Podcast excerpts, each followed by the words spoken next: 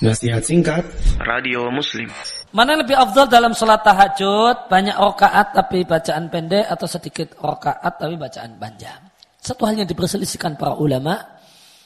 Manakah yang afdal dalam masalah ini? Ya, Minimal ada dua pendapat dalam masalah ini Sebagaimana disampaikan oleh penanya. Sebagian ulama mengatakan Yang afdal adalah bacaan yang panjang. Ya dengan rakaat yang sedikit. Mereka beralasan alasan pokoknya afdalus uh, afdalus salati tulul kunut. Salat yang paling utama adalah yang paling panjang berdirinya. Kemudian uh, namun ada juga ulama uh, pendapat yang lain mengatakan sebaliknya. Kesimpulan Syekhul Islam Ibn Taimiyah dalam masalah ini berbeda-beda tergantung orangnya.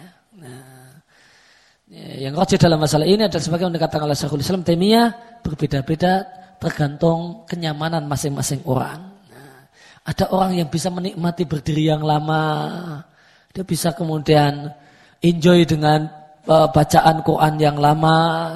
Ya, ya, maka untuk dia afdal tulul kunut, berdiri yang lama.